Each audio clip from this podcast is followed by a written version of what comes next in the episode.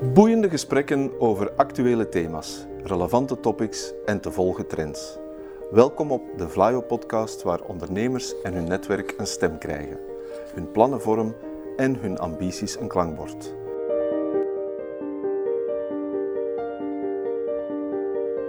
To the point waar het kan, dieper gravend waar het moet. Inspirerend, informerend, ondersteunend. Van artificial intelligence, blockchain en circulaire economie tot digitale zorg. Wij knopen het in jouw oren.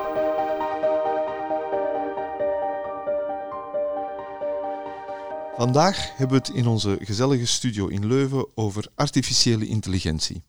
En we doen dat met mijn collega Chris Honraad aan de hand van een boek dat ons door collega's Bruno en Jo werd getipt. Dag Chris. Dag Werner. Misschien moet je je kort even voorstellen aan onze luisteraars. Chris, wie ben je? Wat doe je? En vooral, wat heb jij met artificiële intelligentie? Wel, uh, Werner, ik ben um, bedrijfsadviseur bij Team Bedrijfstrajecten. Um, met een focus op bedrijven en projecten rond health and care, materiaal en chemie.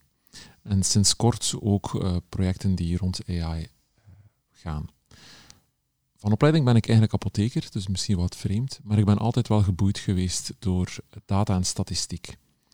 En eh, toen ik de kans kreeg om mij daar nog iets meer in te verdiepen, heb ik een uh, postgraduaat toegepaste artificiële intelligentie gevolgd aan uh, de HOEST, wat ik nu bijna heb afgerond. En dat is zeker handig, want nu het beleid van de Vlaamse overheid meer op AI wil inzetten en dat we merken dat ook bedrijven meer en meer AI omarmen, is het wel handig om daar een zekere achtergrond in te hebben. Want het is belangrijk om als bedrijfsadviseur altijd te kunnen meepraten met waar de ondernemers mee, uh, mee werken. Vandaar dat wij ons eigenlijk ook altijd steeds verder bijscholen als bedrijfsadviseur.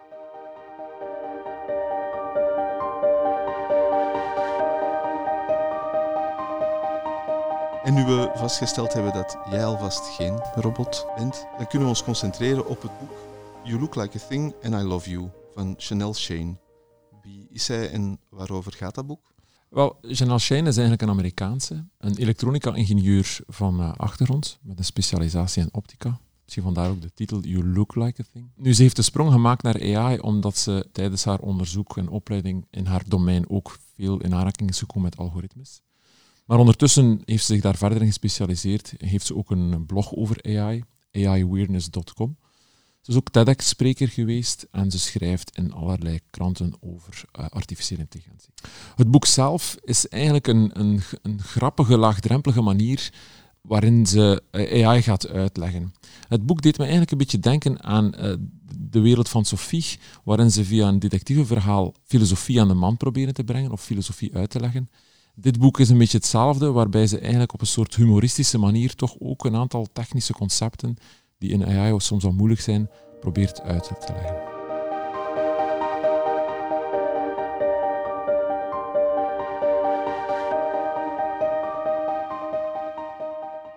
Dan uh, dringt de vraag zich op wat artificiële intelligentie precies is. Wel, uh, eigenlijk artificiële intelligentie, dat bestaat al heel lang. Maar het makkelijkste om het uh, te onderscheiden van, van wat de meeste mensen kennen, is uh, het als volgt uit te leggen. En dat is een uitleg die ik van mijn docent Deep Learning heb gestolen. Dat is, vroeger had je zo, in, in computerwetenschappen, had je input. Dan werd door een programmeur een programma geschreven die die input verwerkt op basis van regeltjes, die dan een output oplevert decision trees of, of rule-based heet dat dan. Dus dan ga je eigenlijk gewoon alle regeltjes die het programma moet hebben om tot een output te komen, zelf erin steken. Dat is niet intelligent, het bevat gewoon de intelligentie dat je er zelf in stopt. Bij AI is dat anders. Daar vertrek je van de input en de output. Bijvoorbeeld foto's van katten, foto's van honden en telkens het label kat en hond daarbij. En dan ga je die aan AI voeden en AI zal zelf zijn regeltjes gaan verzinnen om dan te zien als het goed werkt, hè, dan ga je dat achteraf nog eens testen op testdata. Dus dat is ook heel belangrijk in het concept AI. Je hebt trainingsdata, waarop dat je systeem zijn regeltjes gaat bouwen, testdata, waarop je gaat testen als het wel werkt. En in het boek beschrijft Chanel dat op een heel, heel laagdrempelige manier, vind ik echt goed gevonden, waarbij dat ze eigenlijk een neuraal netwerk uitlegt op basis van, kijk, wat als we nu verschillende soorten beleg op een boterham zouden smeren en AI moet dan kijken, zal dat nu een lekkere boterham zijn of niet? En op basis van dat concept gaat ze eigenlijk een neuraal netwerk uitleggen. Nu, wat ik wel moet zeggen, om tot die regels te komen, ja, je laat AI los, AI kan soms een vrij rare kronkel gaan volgen om regels te gaan bepalen. Maar daar komen we misschien later nog op terug. Ja, ze schrijft ook dat het programmeren van AI, waar jij ook ervaring mee hebt, dat dat vaak meer lijkt op het opvoeden van een kind dan op het programmeren van computers. Ja, dat is voor een stuk zo. En zoals ik daar straks aanhaalde rond die regels, ja, AI is eigenlijk dom. Hè. Dat heeft geen denkkader, uh, zoals dat wij dat hebben. Dus je kan dikwijls denken van, oké, ik wil daar eindigen, maar ja, omdat je al een zeker denkkader hebt, is dat gekleurd. En doordat AI dom is, moet je dat heel goed gaan sturen. En de parallel tussen AI en kinderen opvoeden, eh, vind ik, is eigenlijk mooi geïllustreerd als je, uh, je moet maar eens het YouTube-filmpje opzoeken rond Exact Instructions Challenge. Dus waar een vader eigenlijk aan zijn kinderen vraagt: schrijf eens een instructieblad van hoe ik een boterham met pindakaas en confituur moet smeren. En dan zie je hoe hard ze worstelen om dat helemaal correct op papier te zetten, omdat ze er altijd van uitgaan dat je toch al een stukje weet wat dat precies is. Bij AI is dat ook zo. Als je dat niet genoeg stuurt, dan gaat het soms de verkeerde kant uit. Een mooi voorbeeld daarvan is, dat frequent wordt aangehaald, is als je een AI traint, is ooit gebeurd, hè, je laat die trainen op het onderscheiden van een wolf van een hond, door heel veel foto's te laten zien van wolven en honden. Als ze dan achteraf keken, wat heeft het nu geleerd als regeltjes om te zien, is het nu een wolf of een hond, dan zagen ze dat de AI eigenlijk vooral keek naar, de, naar het landschap waarin het, het dier zich bevond, om te bepalen als het een wolf was. Dus als het in een sneeuwlandschap stond, dan dacht de AI meestal het is een wolf. Dus het keek eigenlijk niet naar het dier. Dus dat bedoel ik met het is dom en je moet opletten, je moet het vrij goed sturen met betrekking tot AI.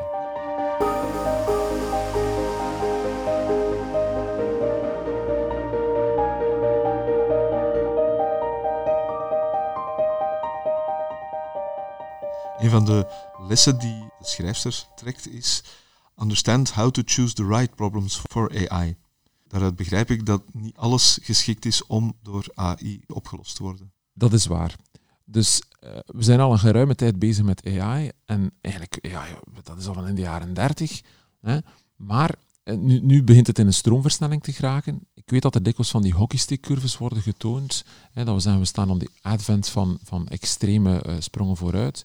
Ja, maar eigenlijk zijn we op dit moment nog vooral goed in narrow AI. Dat wordt ook aangehaald. Hè. Artificial narrow AI versus artificial general AI. Wat wil dat zeggen?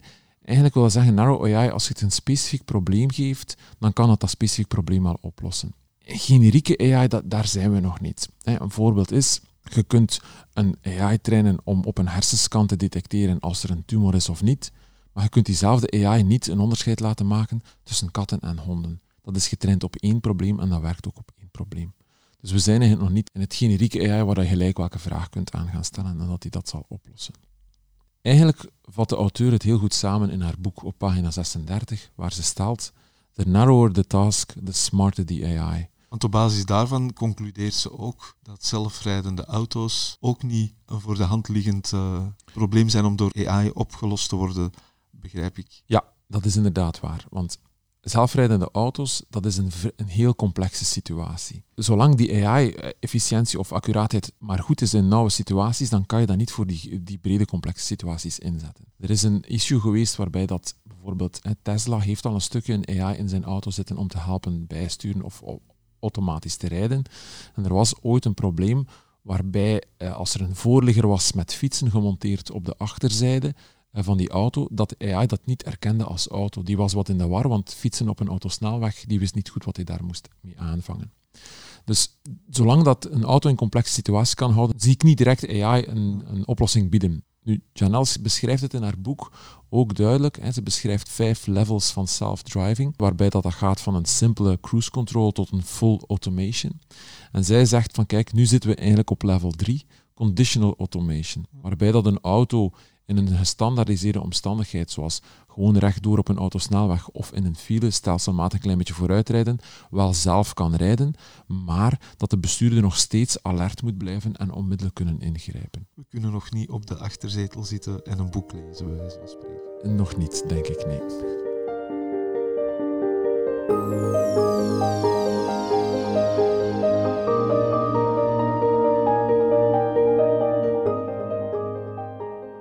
Waar ze ook voortdurend op wijst, is anticiperen op misverstanden rond AI.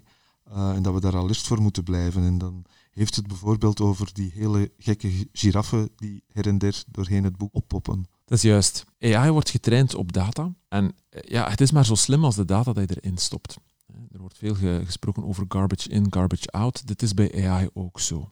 Dus je moet opletten welke data je daarin voedt. En het voorbeeld van die giraffen, dat komt eigenlijk van een uh, visual chatbot die getraind geweest was op een dataset om op basis van foto's die het gepresenteerd kreeg, vragen te kunnen beantwoorden. Een van de vragen is bijvoorbeeld, hoeveel giraffen zie je in deze foto? En blijkbaar moet er in de trainingsset iets vreemds ingeslopen zijn, waardoor die bijna op iedere foto antwoordde één giraf, vier of veel giraffen, terwijl er geen giraffen zichtbaar waren.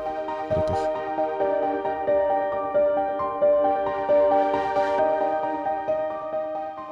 De, de, data die bepaalt wat de AI gaat beslissen achteraf. Dus die is heel belangrijk. Als er bias in de data zit, dan gaat die ook in de beslissing van de AI zitten. Er is een gekend voorbeeld waarbij eh, de voorwaardelijke vrijlating van gevangenen in de VS werd bepaald aan de hand van bepaalde parameters die dan de AI gebruikt om dan te zeggen die mag voorwaardelijk vrijgelaten of niet. Maar daar zagen ze dat er toch een soort ja, component in zat die, die zwarte gevangenen minder snel een voorwaardelijke vrijlating gaf. Vooral omdat in de trainingsdata, die op basis van humaan gedrag was, ook al diezelfde uh, bias zat. Hetzelfde bij een recruteringssysteem bij Amazon bijvoorbeeld. En zelfs in mijn eigen opleiding heb ik gezien, als ik een, een AI-systeem aan het trainen was om gezichtsherkenning te doen van mensen of iets anders, dan zag ik in uh, de testset waar hij dus problemen mee had, dat dat vooral gezichten waren van zwarte mannen.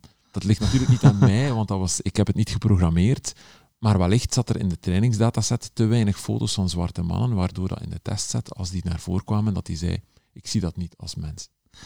Dat is inderdaad iets waar we toch alert voor moeten zijn. Haar finaal besluit is een beetje dubbel. We mogen optimistisch zijn, maar tegelijkertijd alert. Begrijp dat jij die mening ook deelt. Absoluut. Ik ben alert niet zozeer voor het uh, optreden of het verschijnen plots van een Skynet die Terminators gaat bouwen. Daar zit ik niet heel hard mee in. Maar vooral hoe het onze slechte gewoontes gaat overnemen. Dus de bias van onszelf die ermee ingeslopen wordt. Of waarbij een andere gevaar is dat AI uh, voor negatieve zaken wordt gebruikt. En dan denk ik aan de case van Cambridge Analytica. Of zelfs recent zag je voorbeelden, en die staan ook in het boek, waarbij dat je bij beeldherkenning door een klein pixelstukje aan de zijkant van de foto toe te voegen, een AI helemaal kunt misleiden. Dat is het nadeel, omdat die patronen of die regeltjes die AI zelf leert, ja, die kun je gaan misbruiken achteraf.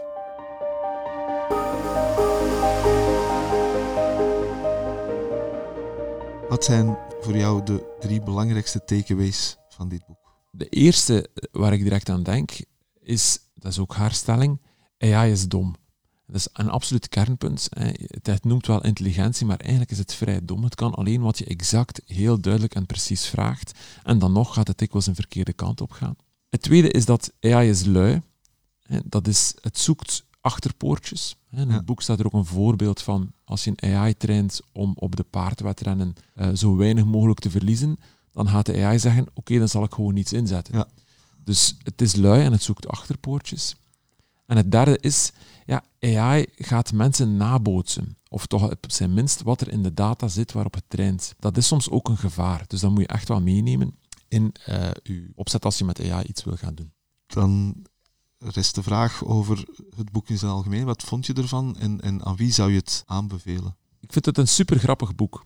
Uh, voor mensen die al iets over AI kennen, is het een echt een leuke ontspanning en veel aha-momenten van ja, dat is juist, ja, dat weet ik ook, ja, dat is goed gevonden, ah, dat voorbeeld kende ik nog niet. Anderzijds is het ook heel laagdrempelig voor mensen die nog niets van AI kennen. Ze legt het ook wel op een heel, heel bevattelijke manier uit en raakt eigenlijk alle belangrijke concepten van AI aan. Nu zou ik wel zeggen voor mensen die interesse hebben in AI en geprikkeld zijn door dit soort zaken, het loont zeker de moeite om ook eens naar een AI-opleiding te kijken. Die zijn niet altijd even moeilijk en bestaan op verschillende moeilijkheidsniveaus. Je hebt zelf zo'n opleiding gevolgd. Wat heeft die jou bijgebracht? Ik heb een vrij intensieve opleiding gevolgd. Uh, misschien iets te intensief voor wat ik daarvoor nodig heb. Maar het, het, het, heeft me echt toegelaten om, om te zien wat AI kan, wat AI niet kan, hoe ver het AI-domein staat. En ook, heel belangrijk, hoeveel werk ruipt in ja, de goede data hebben.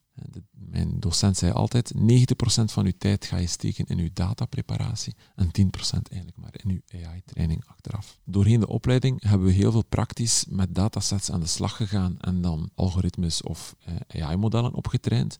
Dat gaat altijd vrij straightforward. De uitdaging kwam toen we een eindwerk moesten maken en zelf op zoek gaan naar data en dan die verwerken en conclusies uittrekken, dan zie je inderdaad pas hoeveel werk het is om ja, die data goed op te kuisen om achteraf iets mee te kunnen gaan aanvangen. Want al die datasets die je zomaar vindt online, die zijn al vrij goed opgekuist. Dus dat was wel een eye-opener voor mij. Alvast bedankt voor jouw toelichting bij het boek. Maar vooraleer we deze podcast afsluiten, dan ontsnap je ook niet aan mijn vraag over welk type ondernemer jij zou zijn mocht je geen bedrijfsadviseur bij Team Bedrijfstrajecten zijn. Eigenlijk is dat een vrij makkelijke voor mij om te beantwoorden, eh, omdat ja, eigenlijk zou ik het liefst consultant zijn op dat moment. Dat raakt ook aan mijn persoonlijke why, wat ook eh, op dit moment een oefening is die we doen. Wat ik graag doe is mensen helpen. Um, dat kan je als consultant doen. En dan liefst in zaken waar ik zelf expertise in heb. Dus dat zou dan een business consultant moeten zijn. Dat mag gerust rond AI zijn of rond mijn andere expertises. En eigenlijk is dat een beetje wat ik vandaag de dag ook al doe. Maar nu kan ik dat gelukkig kosteloos aanbieden aan de ondernemers die er nood aan hebben. En moet je daar niet voor aanrekenen. Er geen businessmodel achter steken. Heel erg bedankt voor jouw bijdrage. Graag gedaan.